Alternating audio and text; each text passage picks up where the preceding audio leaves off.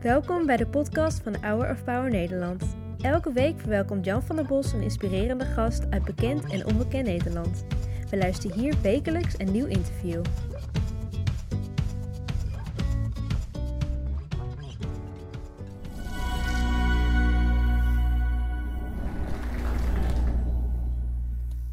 Ging op haar heuken zitten, keek me recht in mijn ogen aan en zei: Jij bent gehandicapt.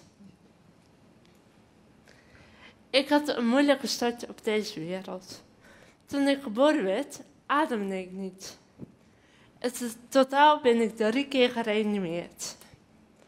Als enige kind van hele liefdevolle ouders werd ik de eerste jaren van mijn leven omringd met liefde, warmte en vrolijkheid. Als een mooi deken om me heen. Dat veranderde toen ik naar de basisschool ging.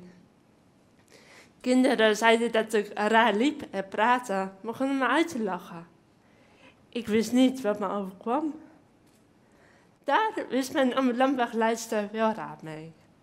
Het is tijd dat ze de waarheid hoort, zei ze tegen mijn ouders. En dat is het moment dat ze op haar heugen ging en zei dat ik gehandicapt was. Je roept heel verbaasd uit. Ik wist niet wat me overkwam. Het was als een klap in mijn gezicht, die opmerking. Jij bent gehandicapt. En ik weet nog dat ik heel hard moest huilen. Ik wist op de een of andere manier ook uh, wat het inhield. En um, ik voelde alsof het op dat moment, vanaf dat moment niets meer hetzelfde was of zou zijn. Ja. ja. Het is erg dat je als jong kind zoiets moet onder ogen zien, toch? Ja, en het was ook gewoon een hele schok in één keer, ja. Want tot dat moment had je het eigenlijk nog niet zo heel erg door. Nee, ik ben uh, heel beschermd en uh, warm opgevoed uh, als enig kind van hele liefdevolle ouders. En die hebben mij altijd gewoon behandeld als... Ja. als Laten we even naar het begin gaan. Je wordt geboren en ja. dan heb je een tekort aan zuurstof. Ja. En dan ontstaat wat men noemt cerebrale parese. Dat betekent dat je een storing in je hersens hebt. Ja, dat klopt. Ja, door zuurstoftekort ik moest een paar keer gereanimeerd worden. En toen is uh, ja, schade opgelopen in mijn hersenen. Ja, en dat, dat heeft als gevolg dat ik net het moeilijker loop en uh, ja, net het moeilijker praat, anders praat. Ja, ik maak even een hele grote stap, we gaan nog weer terug in de tijd. Maar als mensen jou nu ontmoeten, kijken ze dan toch nog vreemd aan of uh, maakt het jou niet meer uit? Um, ik vraag me altijd af of, het, of, ik, of dat echt zo is. Of mensen mij niet meer raar aankijken. Of uh, dat ik het gewoon niet meer zie. Want um, ik ervaar het nooit meer zo. Nee. En ik denk dat dat er komt omdat dat ik mezelf omarmd heb zoals ik ben. En uh, uh, ik denk dat ik dat ook wel uitstraal. Ja, ja. je komt uit ook een beschermd gezin, zijn we ook in een beschermd dorp groot geworden, Spakenburg. Uh, hoe was het op school? Ben je liefdevol omarmd of? Nee, helaas niet. Het begon al de eerste schooldag uh, dat ik op school kwam en dat uh, kinderen zeiden: hey, je loopt raar, je praat raar. En ze begonnen me uit te lachen. Um, en vanaf die tijd ben ik, ben ik heel mijn schooltijd gepest. Wat voor indruk heeft dat op jou gemaakt? Ja, heel, hele heftige indruk.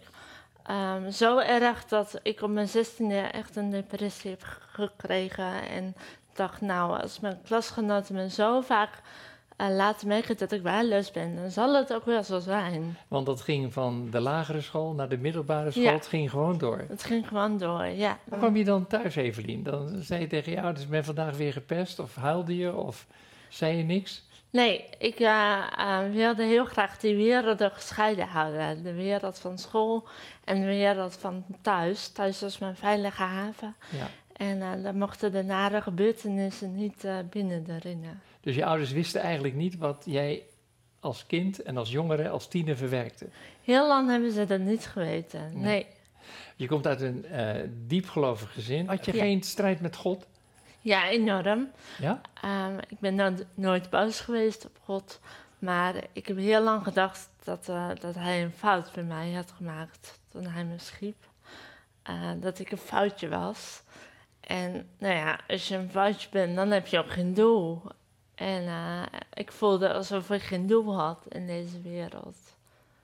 Dat lijkt me toch zo onvoorstelbaar heftig als je zo door het leven moet. Wat, wat maakt dan dat je toch iedere dag weer opstaat en verder gaat? Uh, ik was op school heel leergierig. Ik wilde heel graag leren. Dat maakte dat ik, dat ik naar school wilde. En Juist ook om te bewijzen van ik doe ertoe. Ja, heel erg. En ook um, bewijs daaraan dat ik het, dat ik het wel kon. Veel mensen onderschatten um, wat ik kon. En uh, ik wilde ze wel een laten ruiken, zeg maar. Ja. en uh, um, ook, ik had ook hoop dat de volwassen wereld misschien wel beter zou zijn. En was die beter? Uh, de volwassen wereld is eigenlijk net zo naar, net zo hard als de basisschooltijd en de middelbare schooltijd. Maar het grootste verschil van volwassen zijn is dat je eigen keuzes kan maken. Je kan kiezen met wie je omgaat en met wie je omringt. En uh, dat maakt de volwassen wereld wel een stuk beter. Ja. Maar ik heb gemerkt dat het echt een keuze is hoe je ermee omgaat. En ja. uh, um, nou, ik heb ontdekt dat, uh, dat ik niet alleen mijn imperfectie hoef te omarmen, maar ze zelfs in kan zetten als kracht. Ja. Als jongvolwassene meld je je aan bij de Christelijke Hogeschool Ede. Tot je eigen verrassing word je aangenomen, hè? Ja. Maar dat werd wel een kantelpunt in je leven. Waarom? Ja, ik kreeg uh, uh, echte vriendinnen daar. En ik werd eindelijk uh, behandeld als volwaardig mens. Hoe was dat om echte vriendinnen te hebben? Want die, die, ja, die vriendschap die kende je tot je twintigste niet. Nee, dat klopt. Ja, dat was heel mooi en heel bijzonder. En maar ik dacht ook altijd, um, of ik begreep gewoon niet waarom ze met mij om wilden gaan. En, Toch het eh, gevoel van afwijzing voor jezelf. Ja, en ik had het gevoel, of ik bleef het gevoel houden dat ze zichzelf opofferden om met mij om te gaan. Heftig, hè? Ja. ja. En wanneer ontdekte je dat dat niet zo was, dat het echte vriendschappen waren? Ja, eigenlijk pas nadat ik de stem van God heb gehoord. Dat is een hele bijzondere ervaring. Ik was 27, uh, eh, dus zo'n zeven jaar later. En ik zat in de tuin en uh, ik was aan het overdenken hoe mijn leven was tot dan toe. En hoe ik nog zo aan het worstelen was met eigenwaarde. En hoe ik nog altijd dacht dat ik eigenlijk een foutje was. En toen hoorde ik een stem extern van mij en die zei: Evelien, uh, jij bent hier om mensen te laten zien hoe mooi het is om puur te zijn. En het voelde als zo'n diepe waarheid. En ik wist gewoon zeker dat, dat God dat was. Hoe wist je dat zo zeker? Ja, dat is een moeilijke vraag. Dat is een innerlijk weten, denk ik. Ja. Was dat opnieuw een, een kantelpunt in je leven? Enorm. Tot die tijd heb ik best wel lang nog periode gehad dat ik me down voelde en uh, ja, licht depressief. En uh, na die tijd heb ik die periode nooit meer gehad. Nee. Nee, omdat ik gewoon weet, hé, dit is een doel in mijn leven. En hoe donker het soms ook is, uh, elke ochtend als ik wakker word en geen. Dit, ik, ben, ik ben er nog, dus, dus dat doel, dat is er nog. ja. Wat jij zegt, want je hebt een boek geschreven, maak van je imperfectie je kracht. Uh, wat wil je met dit boek uitstralen? Nou, wat ik echt hoop dat mensen uh, ervan meenemen, is dat um, een imperfectie, en dat kan hè, in alle opzichten van je leven zijn, dat kan fysiek zijn, emotioneel, mentaal, eigenlijk alles wat je tegenhoudt om uh, authentiek je licht te laten schijnen. Um, dat je dat, uh, dat het niet het einde hoeft te zijn van je verhaal. En uh, wat voor jou onmogelijk lijkt, dat is voor God mogelijk. En dat, hij kan echt van je imperfectie je kracht maken. Hij? Hij, ja. En, en zelf mogen we ook in de actie. Ja. Ja. Het is een soort samenwerkingsverband. Precies. God steunt je, en, maar jij moet ook stappen maken. Ja, zo is het. Ja. Jij wilt mensen in hun kracht zetten en vooral vrouwen. Ja. Hoe doe je dat? Nou, ik ben uh, uh, auteur van dat boek, uh, spreekster en coach. En... Je, dat, ik vind dat zo ongelooflijk knap en dapper. Dus ik wil je er een compliment voor maken. Dat je, we hebben je eh, bij de opening eh, gezien dat je daarvoor zo op zo'n... Dat was je allereerste optreden, hè? Dat klopt, ja. Ja. Allereerst. Maar je keer. staat daar alsof je dat dagelijks deed. Ja, ik stond op het podium en ik vond het heel erg spannend. En tegelijkertijd voelde het alsof ik bestemd was om daar te staan, om, Ja. om mijn verhaal te delen. Ja. ja. Wat kom jij tegen als coach bij vrouwen? Ik merk dat eh, vrouwen en de, de lat heel hoog leggen bij zichzelf. En eh, eh, alle ballen. Mannen niet dus? Ja, mannen ook. Ja, zeker. Maar we hebben het nu even over vrouwen. en eh eh, vinden het moeilijk om, ja, om, om ook de imperfectie te laten zijn. En ik merkte. Ik, ik, maar ik snap het ook wel, want deze samenleving duldt eigenlijk geen imperfectie. Hè? Van als je ziet de druk die op tieners ligt om, hè, om mooi te zijn, om alles te hebben wat we in, eh, in de advertenties zien. Eh, Ja. die, die, dat- want dat is eigenlijk een nepwereld. Hè? Ja. ja, dat klopt. Ik maakte eh, een tijdje terug de titel bekend van mijn boek. En er waren heel veel mooie reacties, maar ook wel een paar mensen die zeiden: Nou, dat woord imperfectie, moet dat nu? Ehm, en ik vond dat zo mooi ehm, weergeven hoe, hoe het eigenlijk is in onze maatschappij. Hè? Het woord geeft een ongemakkelijk gevoel. Want we willen dat helemaal niet laten zien. We willen, om- helemaal met social media, we willen een soort sprookjeswereld laten zien. De hoogtepunten. En ehm, het woord imperfectie zorgt dan voor een ongemakkelijk gevoel. Maar ehm, imperfectie is gewoon onderdeel van het leven en, eh, en gebrokenheid. En eh, hoe meer je dat wegduwt, ja, hoe, hoe meer het juist terugkomt en, en je mee geconfronteerd wordt.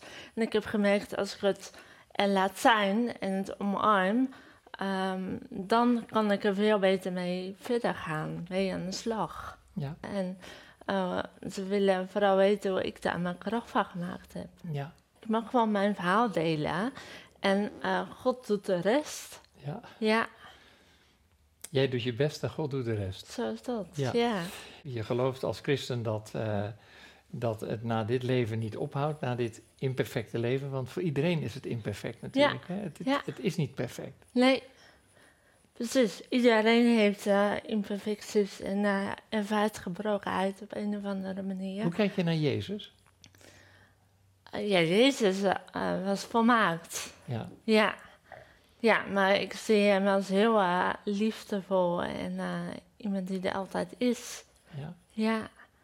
En ook gedurende mijn leven. En, ehm, en mijn favoriete bijbeltekst vind ik ook Romeinen 8, 6, 28. Dat God alles doet meewerken ten goede. Ehm, en dat is wat ik zo er ervaar in mijn achter, leven. hè? God doet Ja, alles mee. Wat staat er dan? Voor, voor wie hen lief hebben. Ja. ja. Ja.